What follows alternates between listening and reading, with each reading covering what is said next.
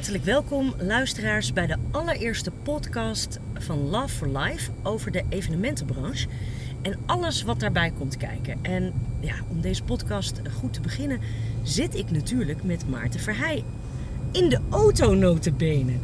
In de auto, heel efficiënt. Ja, Maarten, welkom in eh, onze allereerste podcast. Ja, ik, ik kan jou ook welkom heten. Welkom. Ja, dankjewel. Ehm ja, waarom deze podcast over de evenementenbranche? Nou, de afgelopen maanden is de evenementenbranche niet echt eh, eh, heel druk geweest. Nee. Dus eh, eh, Vanwege een niet nader te noemen virus. inderdaad. En hebben wij samen eens goed nagedacht van ja, wat, wat kunnen we doen? Hè? Informeren. eh, van- Enthousiasmeren. enthousiasmeren. Dus vandaar deze podcast. En eh, ik heb heel vaak meegemaakt, of ik maak vaak mee als ik met klanten in gesprek ben, dat klanten heel vaak zelf al eh, hun eigen evenement hebben georganiseerd of hebben geprobeerd om dat eh, te organiseren. En dat ze best wel vaak in wat valkuilen zijn gestapt. Ehm, Kan je er een paar noemen? nou, eh, ja, kijk, iedereen kan natuurlijk gewoon een, een tent bestellen, een artiest boeken, een cater, cateringbedrijf bellen. Maar het gaat erom om al die aspecten aan elkaar vast te knopen. En eh, dat al die eh, bedrijven goed met elkaar samenwerken en ook eh, volgens een bepaald concept of, het idee rondom het evenement. Maar een valkuil kan zijn dat je bijvoorbeeld niet goed nadenkt over het vergunningentraject of over veiligheid.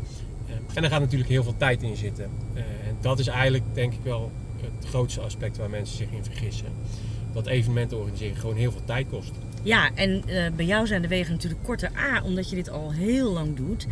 Eh, en B, ook die ervaring met bepaalde bedrijven hebt. Dus dat is natuurlijk ook een voordeel. Dat is zeker een, eh, dat is zeker een voordeel. Kijk, wij, wij doen dit werk al, al meer dan 17 jaar. En in die 17 jaar heb ik natuurlijk heel veel bedrijven leren kennen waar, we, waar we zaken mee doen in, ja, voor, voor die evenementen. En ook heel veel bedrijven waarvan ik denk van oké, dat gaat hem niet worden. En bedrijven eh, waar ik heel prettig mee samenwerk. En die ook steeds weer nieuwe dingen verzinnen, nieuwe eh, producten introduceren. Eh, zodat je toch iedere keer een andere invulling aan een evenement, aan een vraag van een klant kan geven. Ja, want een evenement komt tot stand door een vraag van een klant. Wat is dan precies jouw rol? Wie ben jij precies bij Love for Life? Nou, ik ben uitvoerend producent bij Love for Life. En een uitvoerend producent is eigenlijk een, eh, ja, een soort jongleur. Iemand die heel veel balletjes hoog houdt. Daar voel ik ook, mij ook het prettigste in. Eh, dus ik heb een soort van sturende rol. Dus, eh, ik heb contact met, met de klant. En weet uiteindelijk hè, na heel veel gesprekken, desk research, wat, waar, waar de klant voor staat. Wat, eh, wat zijn eh, vraagstuk is Ja, waar de behoefte aan waar de is. behoefte aan is. En eh, ik zoek dan samen met, met medewerkers naar de juiste invullingen daarvan. En dan, ja, daar heb je heel veel partners voor nodig, heel veel bedrijven waarmee je samen een evenement bouwt. En ik zorg dat al die puzzelstukjes, hè, waar ik het net al over had, dat die keurig in elkaar vallen. Ja, want bij al die bedrijven die je dan even zo eh terloops ter sprake brengt, eh, waar moet ik dan aan denken? Ja, dat, dat kan eh, heel uiteenlopend zijn, maar de meeste faciliteiten die je nodig hebt bij een evenement ja, zijn drukwerk of, of websites voor, voor het uitnodigingstraject. Ehm, op het evenement zelf heb je natuurlijk een locatie, je hebt eten en drinken, je hebt vervoer, je hebt eh, verkeersregelaars eh, bijvoorbeeld eh, voor parkeren. Ehm, je Licht hebt en een- geluid. licht en geluid. Je hebt iemand eh, of mensen nodig die eh, goed welkom heten. Die zorgen dat je eh, je eten en drinken op een eh, gastvrije manier geserveerd worden. Entertainment, ehm, decor, eh, ja, eh, zo kan ik nog wel even doorgaan. Ja, eh, vergunningen. Vergunningen. Vergat je nog? Ja. Ja, en al deze aspecten die komen in de komende tijd allemaal aan bod in deze podcastserie. Hè? ja, dat klopt. Omdat we het sowieso heel leuk vinden om eh, al die mensen eens uit te lichten, maar ook hen te laten vertellen wat hun bijdrage is aan een, aan een geslaagd evenement. Ehm, maar ehm, dat begint dus met het team van Love for Life. Dat doe jij namelijk dus niet alleen, want jij kunt ook niet alles alleen. Nee, Gelukkig maar. ambieer ik ook niet. Nee, nou ja, dat is heel goed. Maar ehm, kun jij eventjes de mensen noemen die bij jou in het team zitten, die van een heleboel zaken al verstand hebben, zodat het werk een stukje vlotter gaat? Zeker, zeker kan ik dat. Ehm, ja, ik werk heel graag samen met Jeroen Vrijters. Jeroen Vrijters is technisch producent en eigenaar van Eventslide. Zevenbergen, waar, wij ook eh, kantoor houden. En Jeroen is, eh, wat ik zeg, uitvoerend producent, weet alles van eh, techniek. Dus geluid, licht, video, stroom. Ook Eh, niet onbelangrijk, Ook niet hè? onbelangrijk. En eh, Jeroen die eh, zorgt altijd dat eh, dat allemaal in orde is. Dus of wij vliegen het zelf in, dus op een eh, locatie vullen we het aan. Of waar, iets, waar niks is, brengen we het in. Of eh, bij een bestaande locatie zorgt hij toch altijd wel even voor de check dat het allemaal is eh, zoals we eh, voor ogen hebben. Ja, en veilig, hè? Want iedereen denkt, ja, stroom, nou, hier zitten een paar stopcontacten, maar daarmee red je het niet, hè? Nee, daarmee red je het niet. Eh, kan een voorbeeld geven. Eh, eh, ik heb een keer een evenement georganiseerd eh, waarbij een cateraar in was gehuurd. En waarbij ik Jeroen dus niet de dubbelcheck heb laten doen.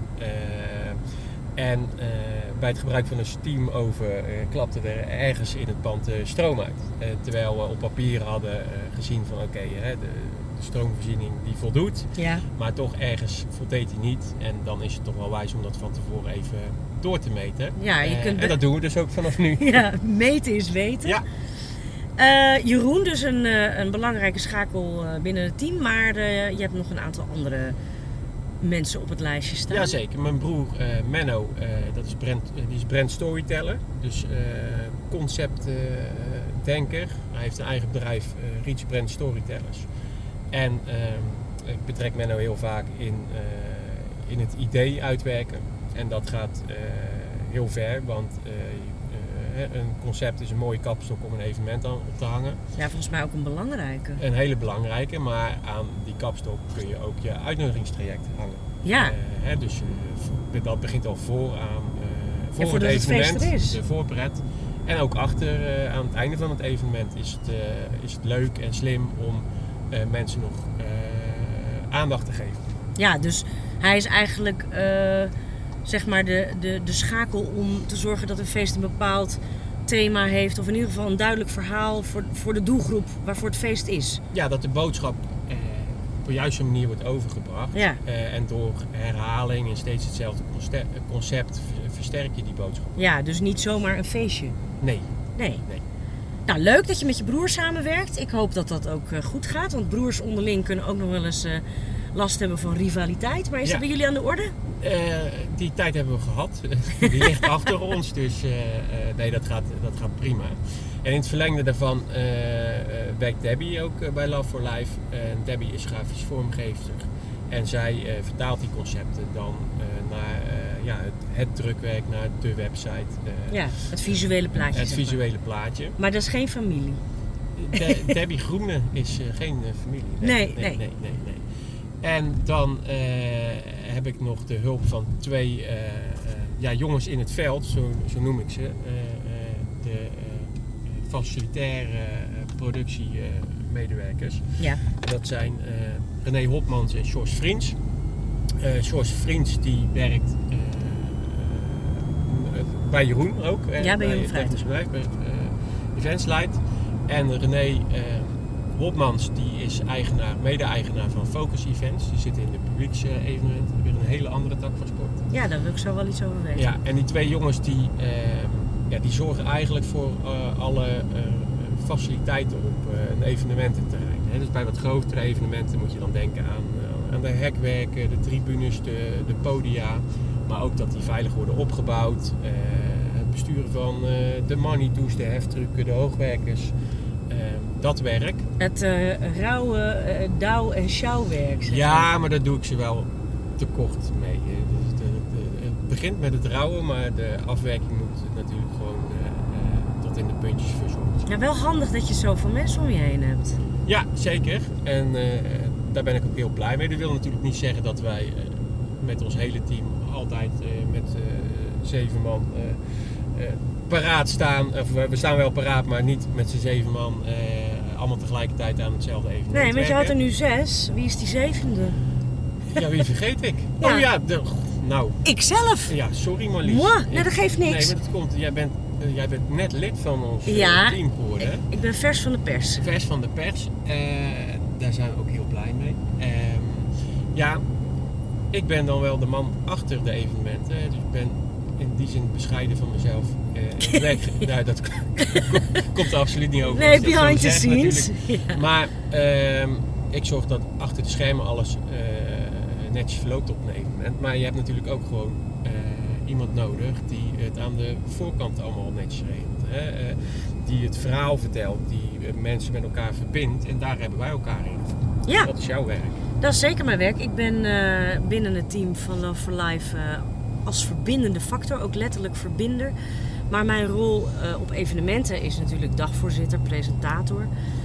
Ehm, en het leuke is, eh, nu ik in het team zit, dat ik ook al aan het begintraject vaak betrokken kan worden. Hè? Want dat vergeten mensen wel eens. Een evenement organiseren is één ding. Maar fiets die dagvoorzitter of presentator er niet op het allerlaatste moment in. Want die heeft vaak hele goede ideeën wat wel en wat niet werkt met eh, het publiek, met een bepaalde doelgroep. Uh, dus daarom ben ik heel blij dat ik erbij zit.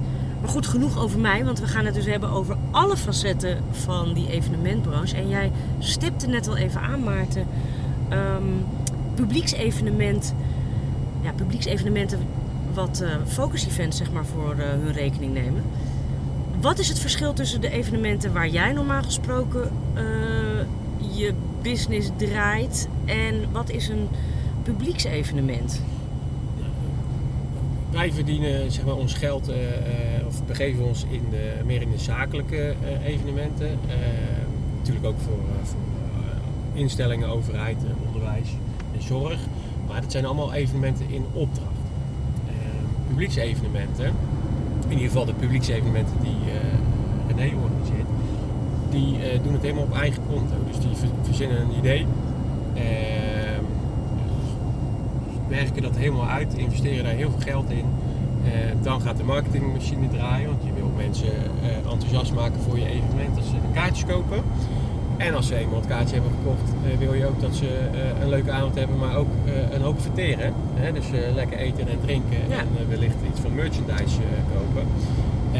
en dat is het businessmodel van, van die publieksevenementen. Ja, en dat is dus ook openbaar. Hè? Je kunt een kaartje kopen. Ja. Jouw evenementen zijn veelal door bedrijven in werking gezet uh, om bijvoorbeeld uh, klantrelaties of een productpresentatie te geven of een jubileum te vieren.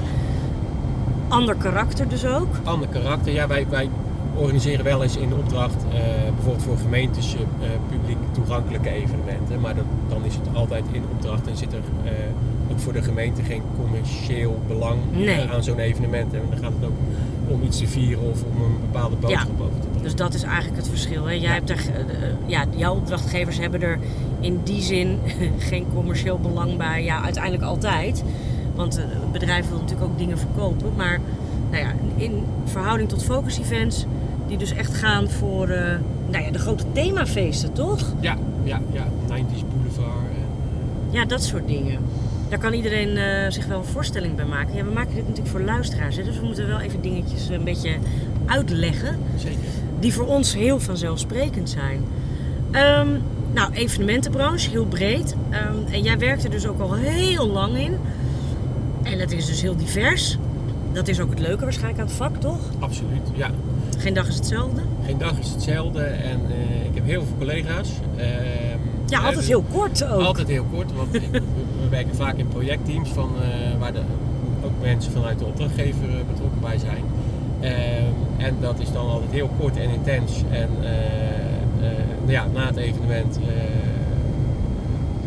houd dat even op. Ja, ja, en krijg je weer een evenement met nieuwe collega's. Krijg je weer een evenement met nieuwe collega's. Ja. ja, en over die evenementen gesproken, want we kunnen daar natuurlijk heel lang over kletsen wat er allemaal bij komt kijken. Maar het is ook wel even leuk om te weten wat nou jouw meest memorabele moment was van al die jaren dat je dit nu doet. Ja, nou, in 17 jaar heb ik natuurlijk heel veel uh, mogen doen, maar toch wel een van de meest memorabele klussen was een, uh, was een feest voor een ziekenhuis. Waarin we uh, eigenlijk fictief een omroep hebben gemaakt voor het ziekenhuis. Ehm, en eh, die omroep hebben we eh, ja, eigenlijk een beetje uit laten lekken dat het ziekenhuis een, een televisieomroep ging eh, beginnen. Op zich helemaal niet zo raar, want we hebben meer Nee, ziekenhuizen. dat klopt. Eh, en daarom eh, trapten er ook best wel wat mensen in. We hadden een, eh, bekende eh Venloze televisiemaker die op landelijke televisie werkt. Hadden we bereid gevonden om het spel mee te spelen. En ja, we lieten uitlekken dat hij als anchorman van de nieuwe zender was aangetrokken. En ja, daar hadden we een heel leuk filmpje van gemaakt. En dat een beetje ja, onder de medewerkers eh, verspreid, eh, maar niet op een doorzichtige manier. Nee, dus het was al geroezemoes. Ja, en eh, ja, daar werd toch wel over gepraat in het, in het hoes, zoals ze het in het Venlo's het ziekenhuis noemden. en ja, op een gegeven moment kregen de medewerkers allemaal een televisiegids thuisgestuurd. In de, ja, dat was eigenlijk dus de uitnodiging van de lancering van de nieuwe zender. Maar in de Eh, vorm van een gids dus. in de vorm van een gids, zoals je een televisiegids van vroeger kent. Ja, met een dagprogrammering. Dagprogrammering, met een puzzel, met eh, achtergrondinformatie, eh, interviews, alles erop en eraan. Superleuk. En ja, tijdens de lancering kwamen al die gasten aan bij een theater wat we hadden omgebouwd in een paar dagen tot een televisiestudio. Over rood lopen met foto's, camerateams. En eh, da- daar werden een x aantal televisieprogramma's opgenomen. Hè. En we hadden eh, Rob eh, Verlinde, de bekende tuinman, uitgenodigd voor een tuinprogramma. En Pierre Wind was Dr. Food. Hij kookte met IC-apparatuur. en we hadden een echte top of the pops met landelijke acts. Ehm, allemaal een beetje tot, ja, echt tot, tot in detail de concepten helemaal uitgewerkt. Dat het ook echt leek op top of the pops met het decor en eh, de tuintips met planten, alles erop en eraan. Wat een geweldig feest moet het zijn Het was, geweest. het was een heel gaaf feest. Ehm, en tijdens die eh, avond liepen er ook camerateams rond. eh, met lampen en werden mensen geïnterviewd. Maar iedereen dacht dat dat gewoon ja, voor de nep was. Hè? Dus dat dat gewoon lopend entertainment was. Maar eh, ja, hè, een maand na het evenement ontvingen alle medewerkers eh, een dvd thuis met uitzending gemist. En eh, daarop hadden we al die programma's, een vijftal in eh, totaal, geëdit, eh, opgeleverd. Dus ze zagen zichzelf terug in een pro- televisieprogramma. Nou, fantastisch. Ehm, en dat was dan ook eh, tegelijkertijd een- het aandenken aan, eh, aan dit feest. Ja, dus dat was van voor tot achter helemaal in één concept uitgewerkt. Ehm, en alles in het thema, nou ja, zo echt dat men niet eens meer in de gaten had dat het echt was. Ja, ja dus een concept in een concept. Ja, Ehm, ja, en dat is toch wel heel lekker als jij ehm, eh, als creatief eh, de gelegenheid krijgt, of de, het vertrouwen van een opdrachtgever om eh, zo'n concept eh, te verzinnen, uit te werken en dan dat vanaf papier echt werkelijkheid ziet worden. ja dat is heel bijzonder. En, en we hopen natuurlijk ook dat eh, dat soort grote evenementen, grote events weer kunnen. Waarbij je dus inderdaad al je creativiteit kwijt kan en alle toeters en bellen Ja, in kan vliegen. Kijk, we hebben natuurlijk ervaring met online evenementen. Ja. Jij ook, eh Zeker. Marlies. Ja. Maar ehm, ja, dat dekt toch niet helemaal de lading. Nee, Eh, het heet is- niet voor niks Love for Life. Nee, eh, ja, ik geloof echt heilig in, in die ontmoeting en de, de verrassing die je, die, je, die je kunt hebben als je ja, mensen samenbrengt. En natuurlijk online kan heel veel, maar ja, het is het toch net niet ten opzichte van live. Nee, nee, kijk, eh, met live moet ik wel even nuanceren. Want live online kan ook live zijn. Eh, absoluut. Op dat moment. Maar is niet fysiek. En Nee. wat jij bedoelt is natuurlijk dat jij gaat voor dat echte contact. Waarbij mensen elkaar fysiek ontmoeten. Interactie met elkaar hebben. Of dat nou publiek is met iemand op het podium. Of eh, op welke manier dan ook. Maar dat je elkaar echt recht in de ogen kan kijken. Want dat is wat we natuurlijk wel een beetje missen. Ja, dat is zeker. Het heeft ook wel eens een voordelen gehad, die coronatijd. Eh, in die zin voor, voor onze branche, die is wel in die zin eh, iets technischer, sneller, ja, volwassen worden wil ik niet zeggen. Maar Ja, we moesten heel, wel, hè? Er zijn wel heel veel nieuwe dingen ontstaan die denk ik ook in de toekomst wel eh, gaan worden toegepast. En ik denk ook dat evenementen straks als er dan echt weer mensen samen kunnen komen, en zeker op zakelijk niveau, dat er toch ook altijd een klein deel eh, online zal blijven bestaan. Ja, dus die hybride vorm. Ja, echt een hybride vorm. Waren het, eh, ja, eh, alleen al om bijvoorbeeld een open reisbeweging hè, van internationale evenementen te reduceren. Ja, dat is niet alleen praktisch, hè, want je hoeft dan minder parkeergelegenheid te regelen of hotel of accommodaties te boeken. Maar het is ook nog eens duurzamer. Hè, als we nu kijken naar, even een kwinkslag maken naar klimaatdoelstellingen. Ja. Maar we blijven natuurlijk gewoon wel behoefte houden aan eh, één op één contacten en één op eh, een paar honderd. Hè, we willen gewoon allemaal ook die energie voelen. En die krijg je natuurlijk in een mooie omgeving die helemaal is aangekleed, licht geluid, het concept staat als een huis. Dat willen we. Dat willen. we. Ja, nou daar gaan we voor zorgen, toch? Daar gaan we voor zorgen en om mensen eh, een beetje te inspireren en te informeren.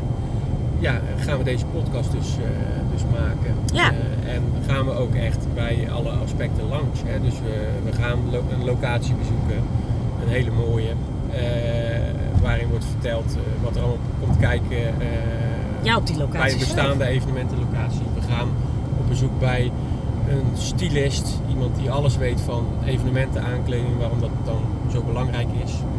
Nou, techniek hebben we het al over gehad. Ja, Waar moet je op letten? Eh, wat moet je vooral niet doen? Concepting, eh, de rode draad van het evenement. Daar gaan we, eh, gaan we over in gesprek.